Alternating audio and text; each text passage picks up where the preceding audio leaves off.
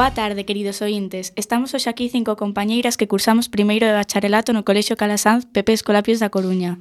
Somos Lucía Cedeira e Lucía Garea, Vicky, Antía García e Antía Buján. Viñemos para acompañarvos durante a próxima hora e aproveitar para chegarvos algúns datos sobre as letras galegas, xa que hoxe todos sabemos que é un día festivo para moita xente, non sabe por que razón se precisamente o 17 de maio, e non o 15 de xaneiro o Día das Letras Galegas. Tamén imos facer un pequeno percorrido polas mulleres que foron homenaxeadas pola Real Academia Galega tendo en conta que, por fin, este ano volvemos a ter unha muller protagonista do noso gran día. Polo tanto, imos facer tres pequenas partes. Nesta primeira coñeceremos unha moi breve historia deste día. Despois comentaremos brevemente os datos máis significativos das, tristemente, poucas autoras homenaxeadas neste día. E por último atenderemos a nosa querida María Victoria Moreno. Antes de comezar pola historia da man de Lucía Cedeira, escoitaremos a seguinte peza musical – do grupo A Cada Canto, a canción Este Meu Camiño.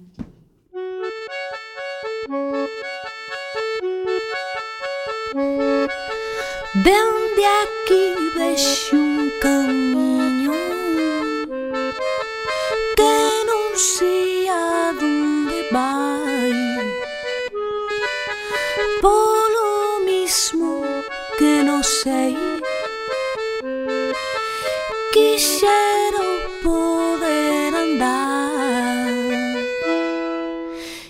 estreitiño serpentea entre prados e navais. E anda feito aquí escondido relumbrando máis alá.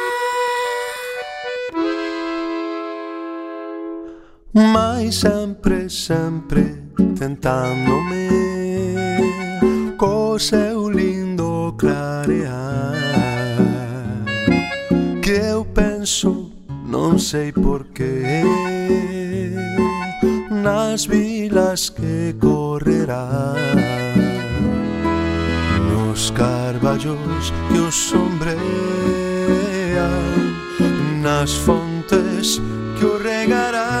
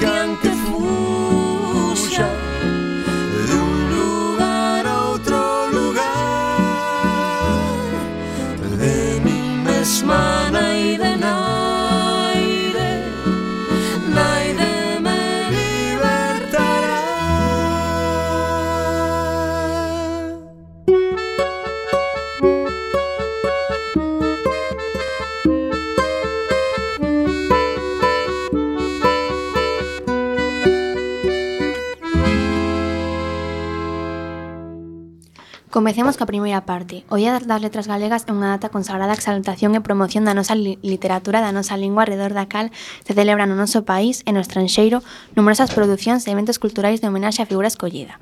O 20 de marzo de 1963, coincidindo co centenario da publicación de Cantares Gallegos de Rosalía de Castro, os académicos do número Francisco Fernández del Riego, Manuel Gómez Román e Xesús Ferro Causelo propuxeron a celebración do Día das Letras Galegas no seguinte escrito presentado á Academia.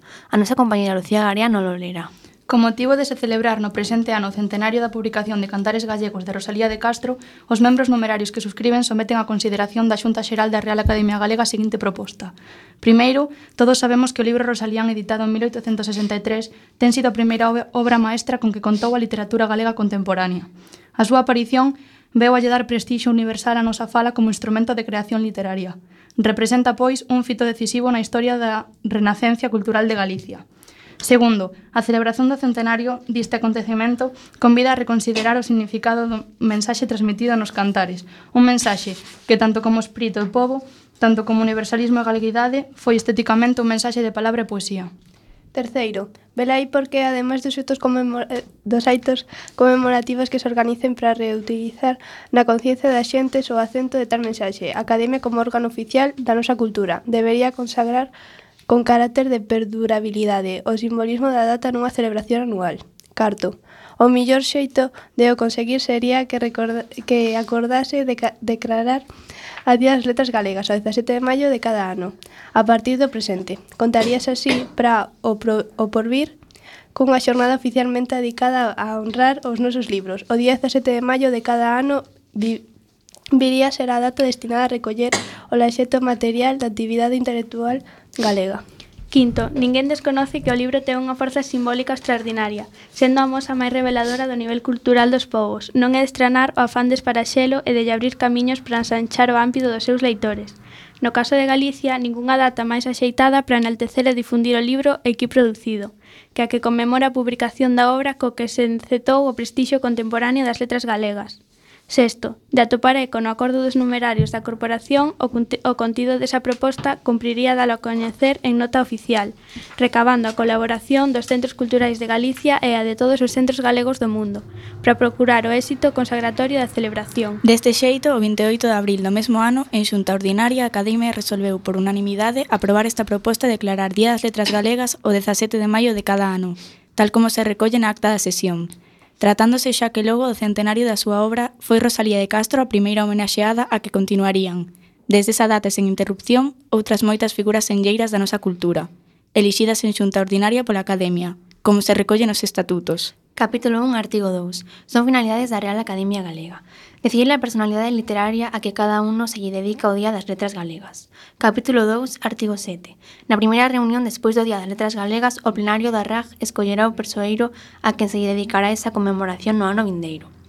A figura lixida deberá ser autora dunha obra relevante en galego e persoa de, de calidade cultural e humana que mereza propoñerse como exemplo a sociedade galega de hoxe.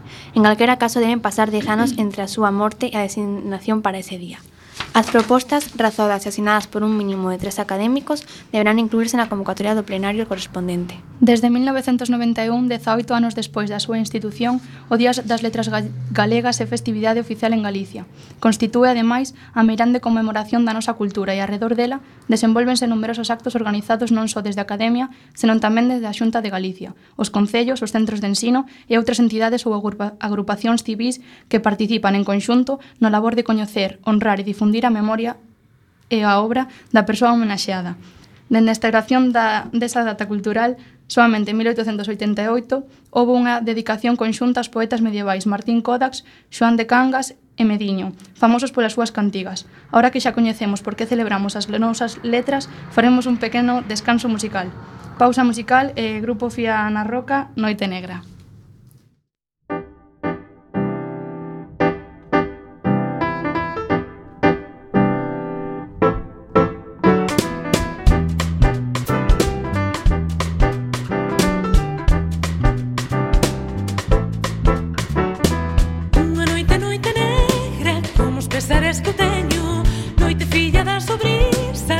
distant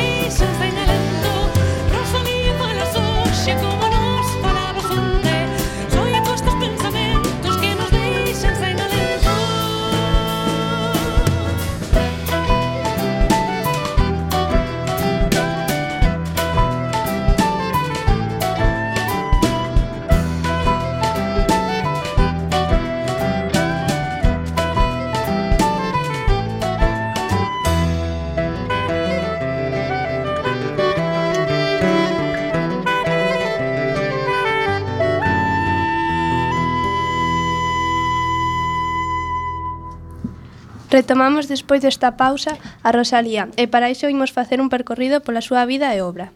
Rosalía de Castro comparte a responsabilidade do rexurdimento con Eduardo Pondal e Curros Enríquez, mais, sobre todo, é unha figura fun fundacional na nosa literatura. O Día das Letras Galegra, da Galegas celebrase o 17 de maio nunha homenaxe á data de publicación do seu primeiro libro en galego Cantares Gallegos, como xa antes comentamos. Naceu o 24, o 24 de febreiro, hoxe en día conmemorado como Día de Rosalía, de 1837, no Camiño Novo, un arrabalde da cidade de Compostela. Súa nai, María Teresa de la Cruz de Castro e Abadía, proviña dunha familia fidalga vida a menos. A súa paternidade atribúes a José Martínez Biojo, grego de profesión, e o seu coidado durante a nenez ás tías paternas.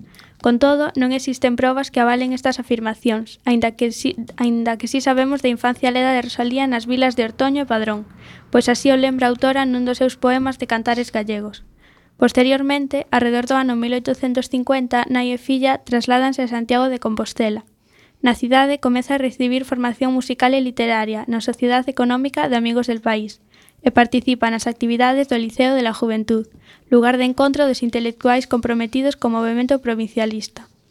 En 1856, Rosalía marcha a Madrid, onde vive cunha curmá. As súas primeiras obras comezan entón a ver luz. O libro de poemas La Flor, en 1857, e a novela La hija del mar, en 1859. En 1858 casa co excelso investigador Manuel Murguía, Ao ano seguinte, ambos regresan a Galicia, no que será o inicio dunha vida itinerante, debido aos cargos de funcionario de Murguía, que levarán a parella e seus 11 fillos a vivir en diversos lugares. A década de 1860 foi un período de efervescencia intelectual e política na que Rosalía e Murguía participaron seguindo a corrente federalista e republicana. Neste contexto, no ano 1863, a autora publica Cantares Gallegos, marcando o inicio do primeiro rexurdimento. Rosalía era xa unha escritora profesional que colaboraba en diversas publicacións, ao tempo que atendía as obras familiares entre Castela e Galicia, onde se instalara definitivamente na década dos 70. O seu derradeiro libro de poemas en galego, Follas Novas, foi publicado en 1880. En castelán publicou La Flor, 1857, A mi madre, 1863, En las orillas del Sar, 1884, e a novela El caballero de las botas azules, 1867, todas elas encadradas no movimento romántico. A existencia de Rosalía estivo sempre marcada polos problemas económicos, derivados da inestabilidade laboral de Murguía e pola súa feble saúde. Un cancro remataría coa vida da autora o 15 de xullo de 1885, dez anos despois de instalarse en Padrón. Os seus restos repousan actualmente no Panteón de Galegos Ilustres, en San Domingo de Bonaval. Antes de seguir faremos unha pausa, do grupo NARF Canción Vos Amores. Música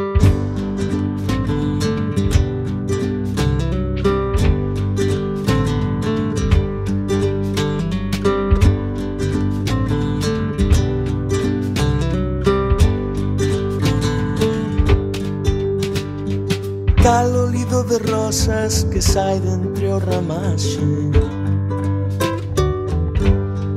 Nunha mañan de maio Hai amores suaves que nin da vir se sinten. Nin se ve cando entrar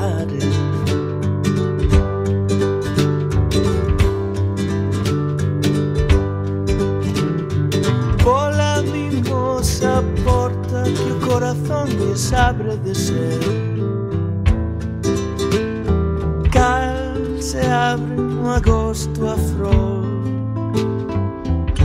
orvalho da tarde.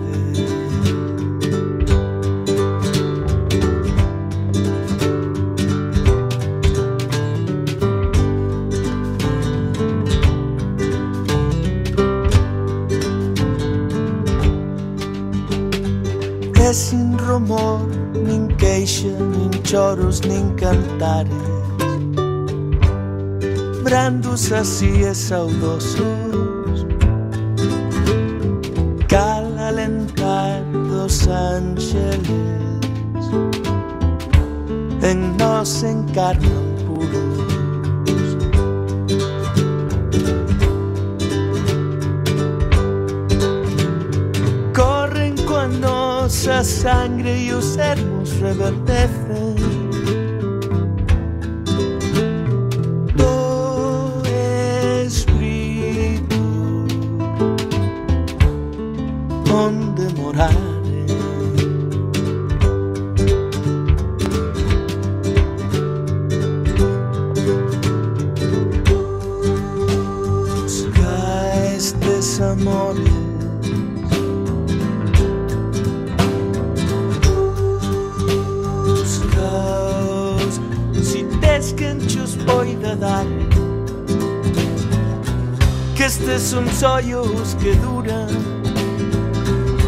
Nesta vida de pasaxe Que estes son sollos que duran Nesta vida de pasaxe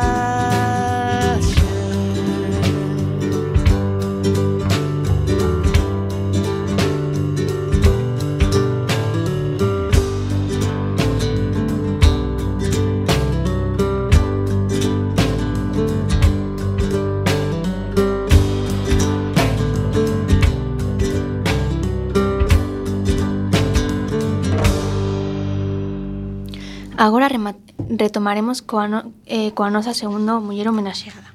Francis Carrera Garrido foi homenaxeada en 1987. Nada na Rúa do Príncipe da cidade da Coruña o 6 de marzo de 1869 e finada na mesma cidade o 5 de novembro de 1950, foi unha escritora fundamentalmente nas nosas letras e a primeira muller escollida membro de número da Real Academia Galega fía do arredandor Manuel Herrera Hernández e de Josefa Garrido Matos, fía esta de Andrés Garrido, un famoso banquiro local, Francisca Reira Garrido naceu no seu, no seu dunha familia da burguesía acomodada. Sendo menor de cinco irmáns, pasou unha infancia de atencións e cuidados na Coruña. No entanto, coa morte da nai en 1909 e sendo recente da morte do mozo por morar tuberculose, marchou a Madrid en agosto dese mesmo ano e ali viviu ca maior das súas irmás. Mentre residiu na capital española, regresou a Oleiros polo verán e o Nadal pois non foi ata chegada da Guerra Civil cando as dúas irmáns regresaron definitivamente a Coruña. Na súa feliz infancia foi educada en principios tradicionais e nunha viva fe relixiosa. Por outra parte, a súa formación intelectual foi a propia dunha muller do seu medio e do seu tempo, agas no que atinxe ao seu excepcional e temperán gusto pola literatura, onde a obra de Rosalía funcionou como lectura de cabeceira. A súa actividade literaria comeza, porén, xa cumpridos os 40 anos, cando en 1913 publica en Madrid Sorrisas e Vaguas, unha obra inspirada no ambiente rural de Oleiros, onde pasa os veráns.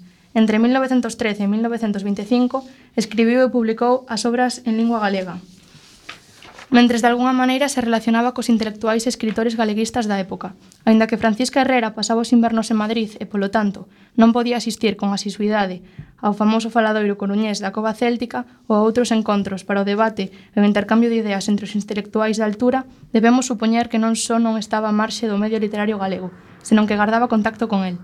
Así se explica que o, segundo, o seu segundo libro, Almas de Muller, Bolallas na Luz, leve un limiar de Manuel Murguía que la mesma prologue unha edición de Cantares Gallegos de Rosalía ou que dúas novelas da súa autoría fosen publicadas nas editoriais Lar e Céltiga.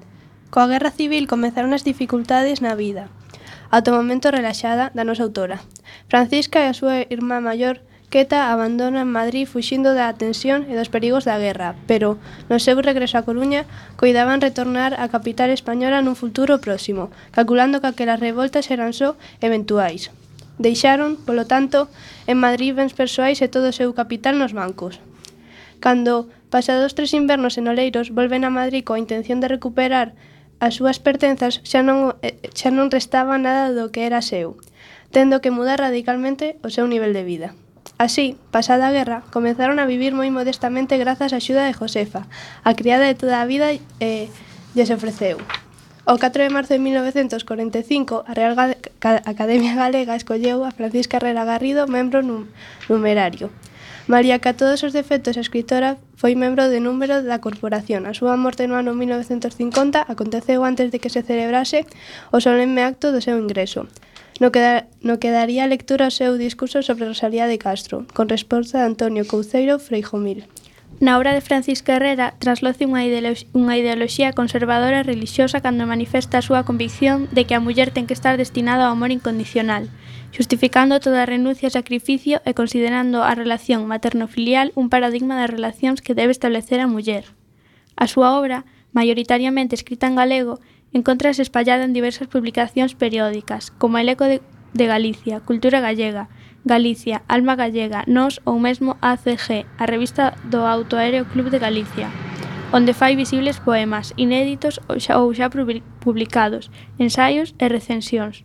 As súas publicacións exentas, tamén abondosas, recollen a poesía e a narrativa, cando a narrativa en lingua galega constituía un xénero de escasa tradición, carente, xa que logo de obras que puidesen servirlle de modelo lingüístico ou estructural.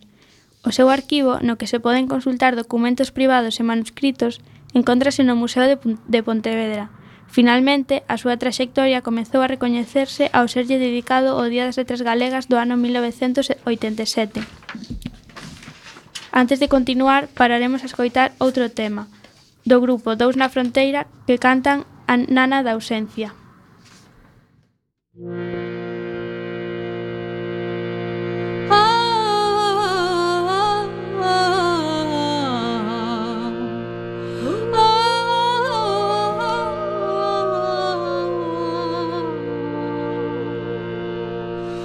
eu non podo cantar o meu neno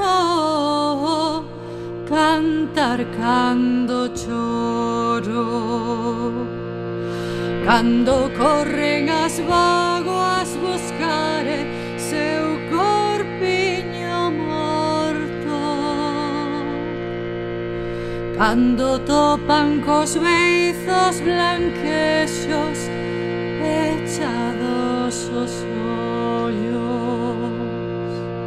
Sepultado entre rosas no cuerpo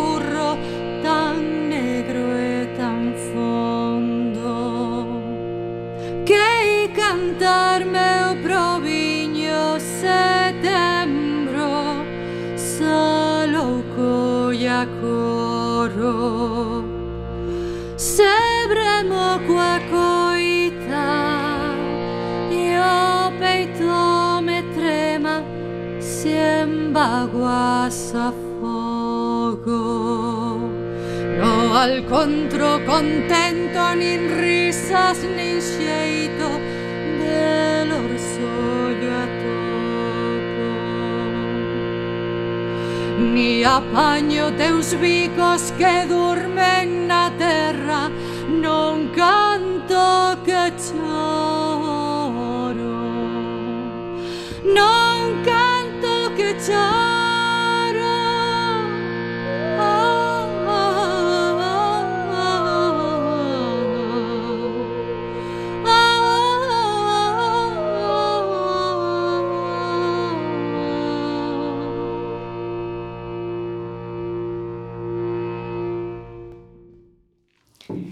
Entramos agora a falar da terceira muller que foi homenaxeada en 2007. Estamos a falar de María Mariño Carou.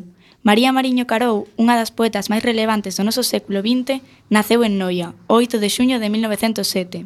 Os seus pais, Xosé María Mariño, pais e Filomena Carou Lado, tiveron cinco fillos, dos que María é a segunda. Pasou a súa infancia e mocidade en Noia, sempre salvando as dificultades económicas da familia. Aí recibiu os primeiros estudos e axiña comezou a traballar como costureira. Trasladouse xa en 1926 a Escarabote Boiro e ali puido acceder a algunhas lecturas na Biblioteca do Pazo de Goián, onde unha tía súa traballaba como cociñeira. Neste mesmo ano viaxou a Algorta, Euskadi, onde vivía unha irmá súa e onde viviu o estoupido da Guerra Civil. Tras a conquista desa zona polas tropas franquistas regresou a Escarabote. Alí coñeceu ao mestre compostelán Roberto Pose Carballido, co que casou en Boiro o 31 de maio de 1939. No curso 1945-1946, o matrimonio marchou a Arzúa e, despois, a Elanxove, Euskadi, debido a un destino do seu home. O 6 de outubro de 1946 regresou a Galicia para dar a luz un fillo, Roberto, que morreu o 10 de outubro dese mesmo ano. No curso seguinte, 1946-1947, o seu marido foi destinado a Romeor, no Courel. O 29 de marzo de 1947 faleceu a nai de María Mariño e, posteriormente, morreron os seus irmáns varóns. Nese momento, por consello médico trasladouse a parada de Courel a causa da depresión nerviosa que lle provocaban estas perdas. En outubro de 1947 instalouse definitivamente en Parada do Courel e iniciou a súa fonda amizade con Uxío Novoneira, e a súa familia. Agas algunhas estancias vacacionais en Noia, Monforte e Lemos e a Coruña viviu sempre en terra courelás. Entre 1958 e 1963, escribiu o seu libro Palabra no tempo e, tres anos despois, enfermou de leucemia e comezou a escribir Verba que comeza. O 19 de maio de 1967 faleceu por mor da enfermidade que padecía. Os seus restos mortais repousan no cemiterio de Soane do Courel. Outra pausa musical e regresamos. Co grupo Lobalú cantar 22.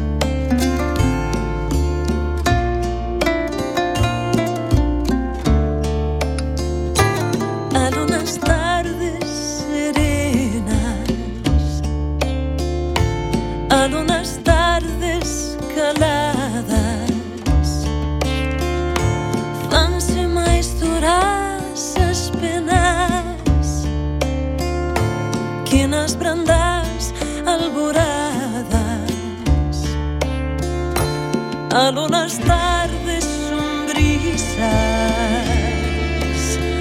aló nas tardes escuras, danse máis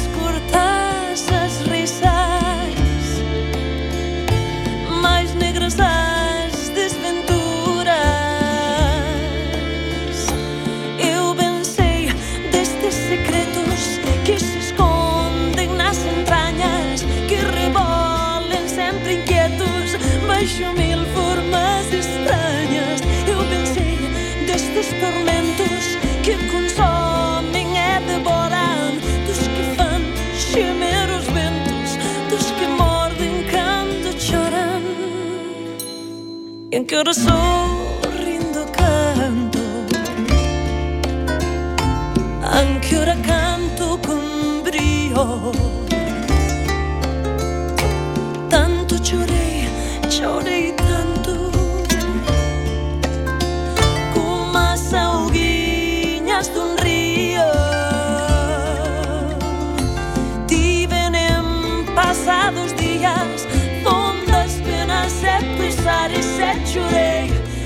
aguas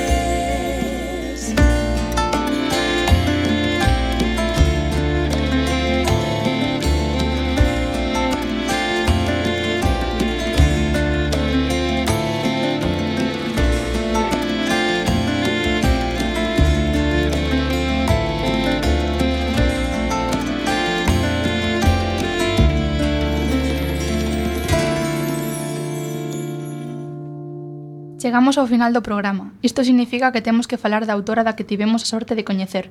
Diremos máis cousas xa que foi a que se homenaxeou ao longo deste ano co gallo das letras. María Victoria Moreno foi unha escritora galega, que algúns textos falen dela como extremeña é unha confusión debida ao descoñecemento de datos biográficos da súa infancia. Luis Seoane foi un pintor e escritor galego, non arxentino, malia nacer en Buenos Aires, e Italo Calviño, un escritor italiano, nacido en Cuba. O nacemento de María Victoria en Valencia de, Alcán de Alcántara, Cáceres, foi circunstancial. Nin a súa nai nin o seu pai tiñan raíces en Extremadura. Sara Márquez, malagueña, e Vicente Moreno Toledano casaran en 1937, estando emobilizado na guerra. Ela ficou vivindo na casa do, se, do seu irmán na vila extremeña onde naceu María Victoria, o 1 de maio de 1939. Hai outra confusión difundida pola propia autora, que afirmaba ter nacido en 1941. Logo duns anos en Badaxoz, o seu pai foi destinado en 1943 a Segovia, onde viviron até 1949, ano da morte de Vicente. Sara Márquez, rematada, a excedencia que solicitara como mestra, puxo escola en Sepúlveda e ali foi vivir a familia. Os estudos de María Victoria delongáronse dous anos debido á situación económica, que non permitía enviar unha filla a, estuda, a estudar fora, e a ausencia en Sepúlveda de instituto, pois únicamente existían nas capitais de, da provincia en algunha cidade máis. En 1951, grazas a unha bolsa, marchou para Barcelona a cursar o bacharelato elemental, que ia dos 10 aos 14 anos e o superior, dos 14 aos 17. Ela tiña 12 anos, o que pode explicar por que decidiu mudar a data de nacemento, para facela coincidir coa das súas compañeiras. En Barcelona aprendeu catalán e francés, e sobre todo describiu a literatura, lendo por primeira vez o Quixote ou o Principiño, que sabían converter nas, so nas súas obras favoritas. No verán volvía ás aldeas segovianas onde exercía de mestra a, a súa nai. De 1958 e a 1963 estudou Filosofía e Letras, sección de Filoloxía Románica, na Universidade Complutense de Madrid. Ali coñeceu a José Luis Yacer, invidente, con que casou ao finalizar, finalizar a carreira e co que se trasladou a Pontevedra en 1963, por ser contratado no Colexio da Once. En, Pontevedra viviu máis de 40, de 40 anos, ata a súa morte en 2005. Pois, aínda que deu clase dous anos en Lugo e catro en Vilalonga, a súa casa sempre estivo nesta vila. Podería ser máis acaído dicir que era máis segoviana ca extremeña.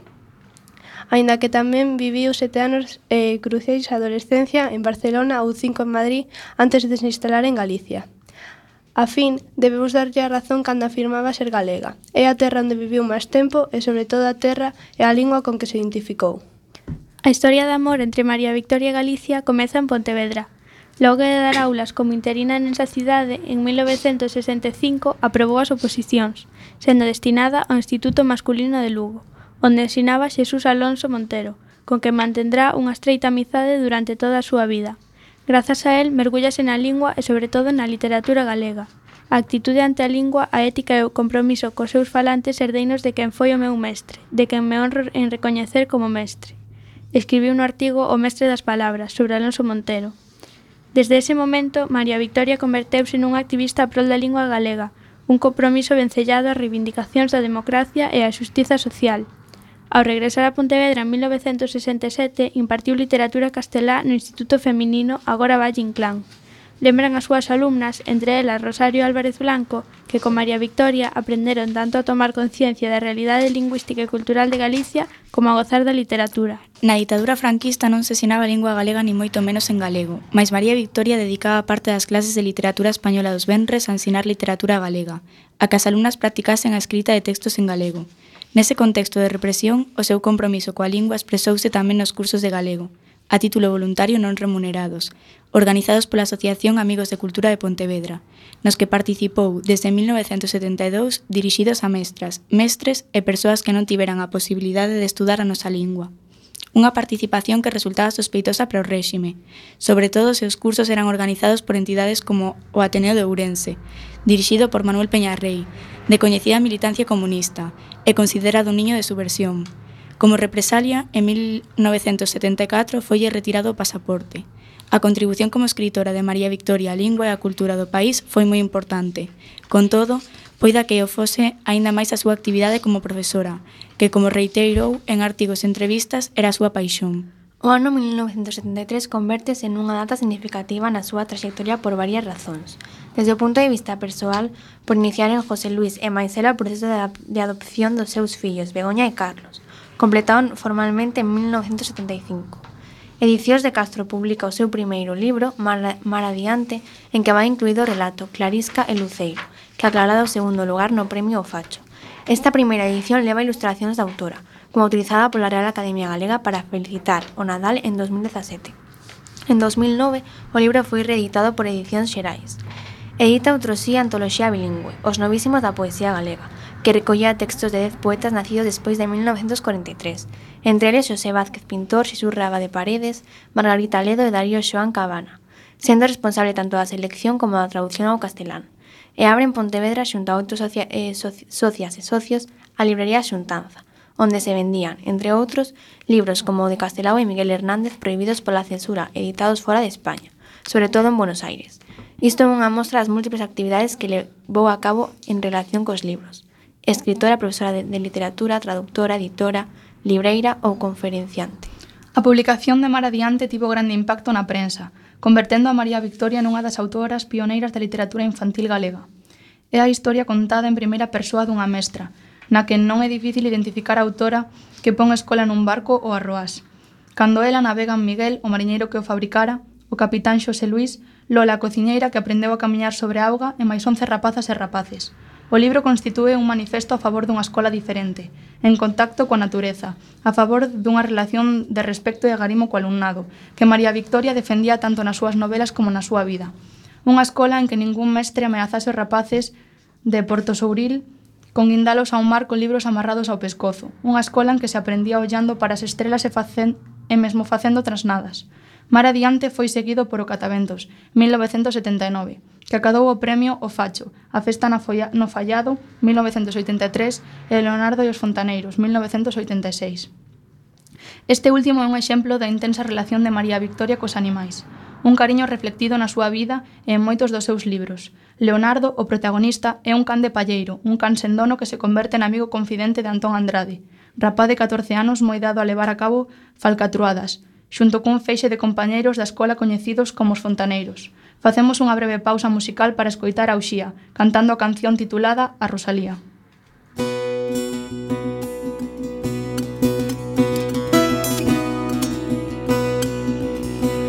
Tomar pola orela mirei na pasar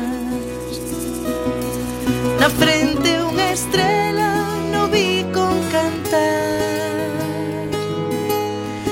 vina tan soia na noite sen fin. Que ainda recei pola probe da tola Eu que non teño quen rece por mí.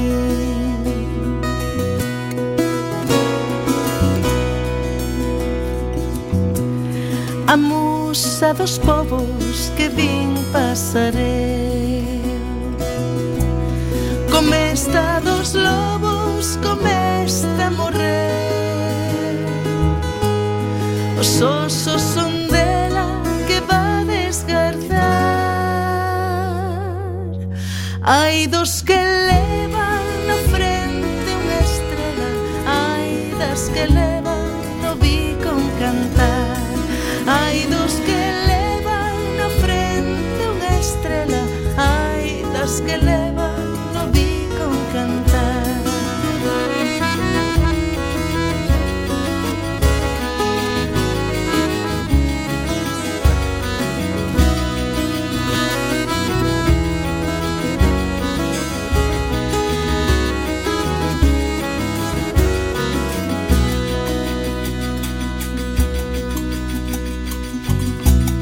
Tomar pola orela Mirei na pasar. Na frente unha estrela No vi cun cantar. E vina tan soia Na noite sen fin. Que inda recei pola prove da tola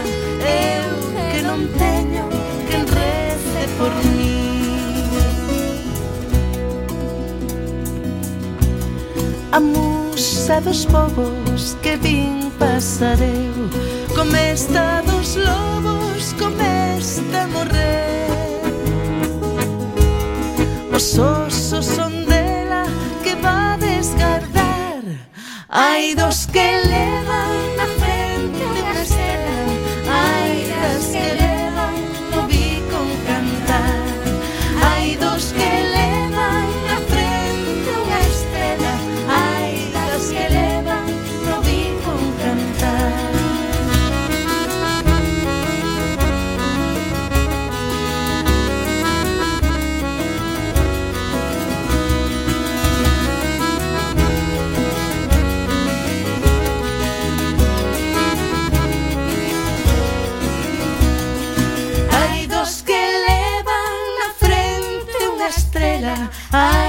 das que levan no bicon cantar.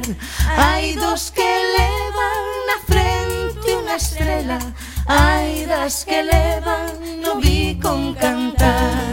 Hai dos que levan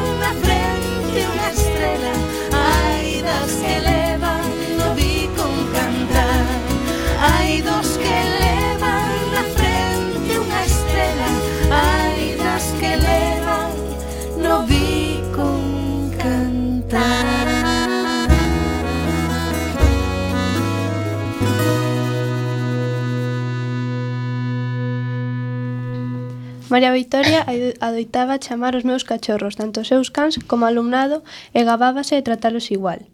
Afirmaba non facer nunca cos animais o que non faría coas persoas, pois entendía que quen lle facía mal a un animal indefenso tamén é quen de hielo, de hielo facer as persoas. Tampouco os alimentaba con desperdicios da comida, aínda que si lles entregaba os libros de mala calidade para que xogasen con eles até os de desfacer.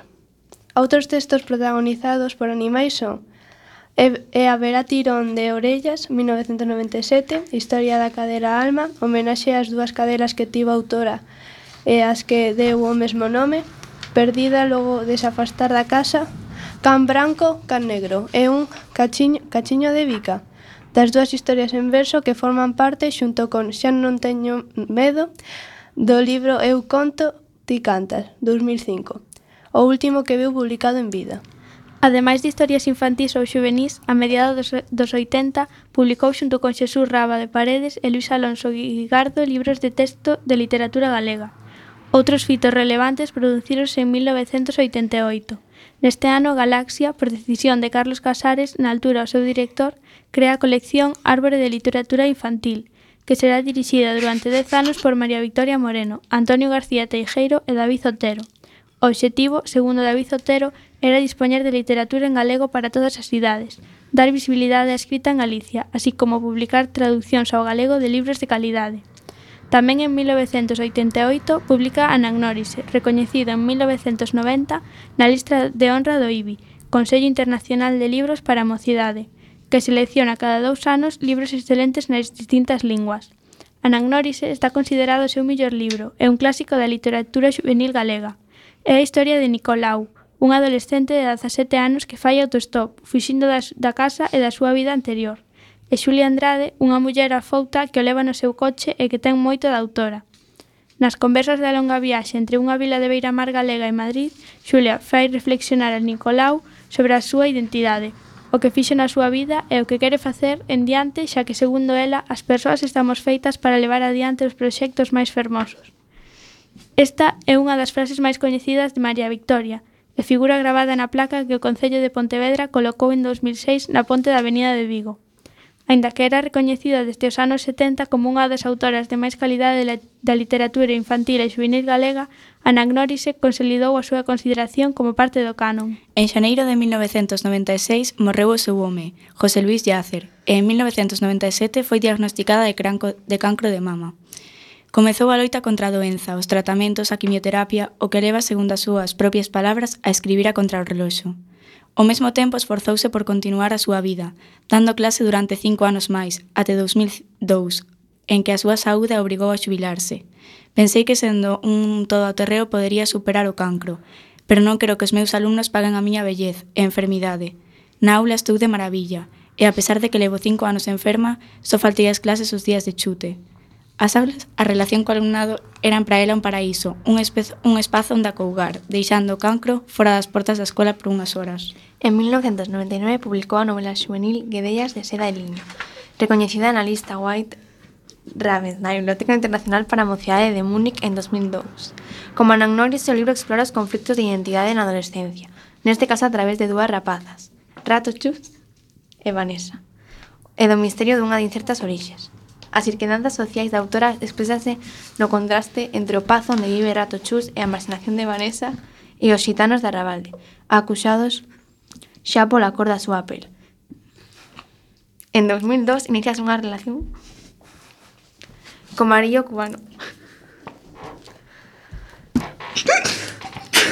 Pedro Ferriol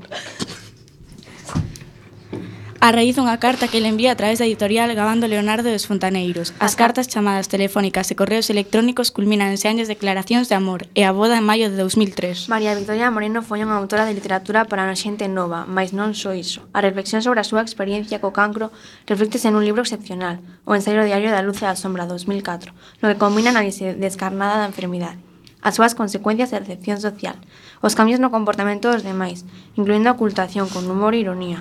Un par de horas antes da presentación do libro, o 13 de decembro de 2004, comunicaranlle que tiña metástase e que significaba unha sentenza de morte. Porén, presentou un libro con serenidade e dignidade, a mesma que da que fixo eh, gala durante toda a doenza. En 2005, Pedro Ferriol pasou a ordenador a primeira novela escrita por María Victoria, aínda en castelán, en 1969 enviouna un premio en Salamanca, premio que acadou e foi recoller poucos meses antes da súa morte. Traducido ao galego segundo vontade da autora por Xavier Senín, onde O aire non era brisa, 2009 foi publicado póstumamente. É unha crónica da dura vida das mestras, probablemente inspirada na súa nai, nunha vila imaginaria de Castela nos anos 60. Está artellada ao redor das metáforas do leite.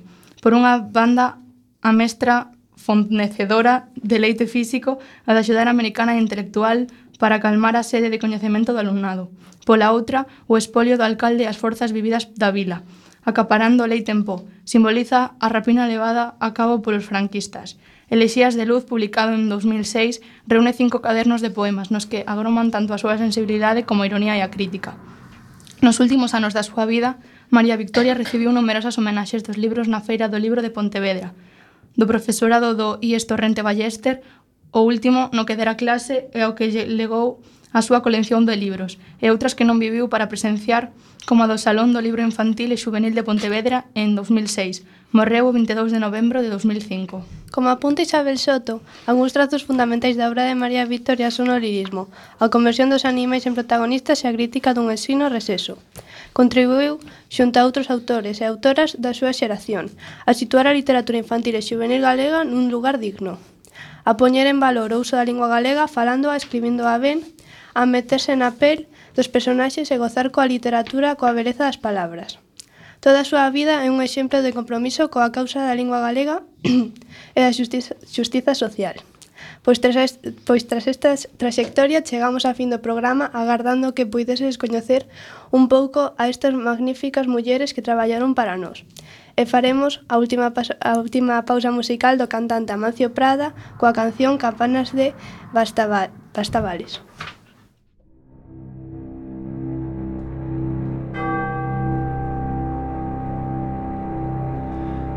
campanas de bastavales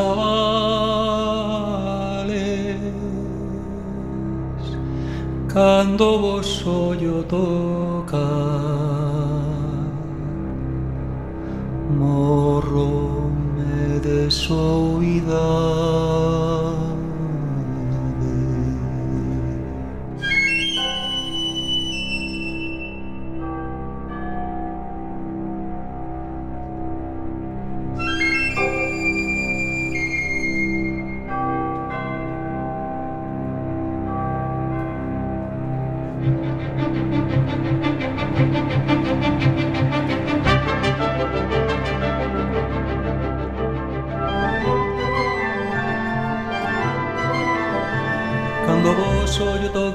campaniñas, campaniñas Cando vos ollo tocar campaniñas, campaniñas Sin querer torno a chorar.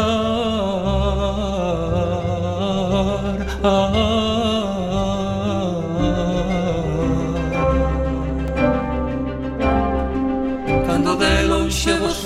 penso que por min chamades Cando de lonxe vos ollo penso que por min chamades E das entrañas me doio. Oh,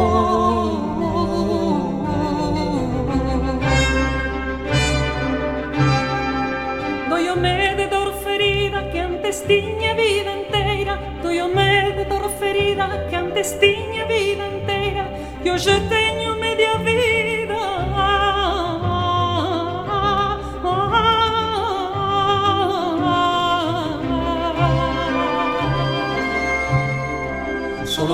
media me deixaron, os que me trouxeron Solo media me deixaron, os que me trouxeron Hospedaban a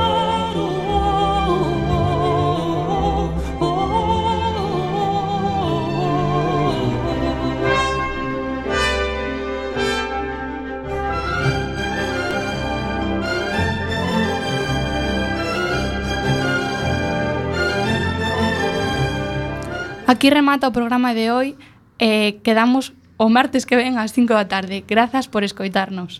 Moitas grazas a todos e eh, eh, lle paso un saludo a, me, a miña profesora de galego, Lupe. Grazas a todos. Grazas e boa tarde.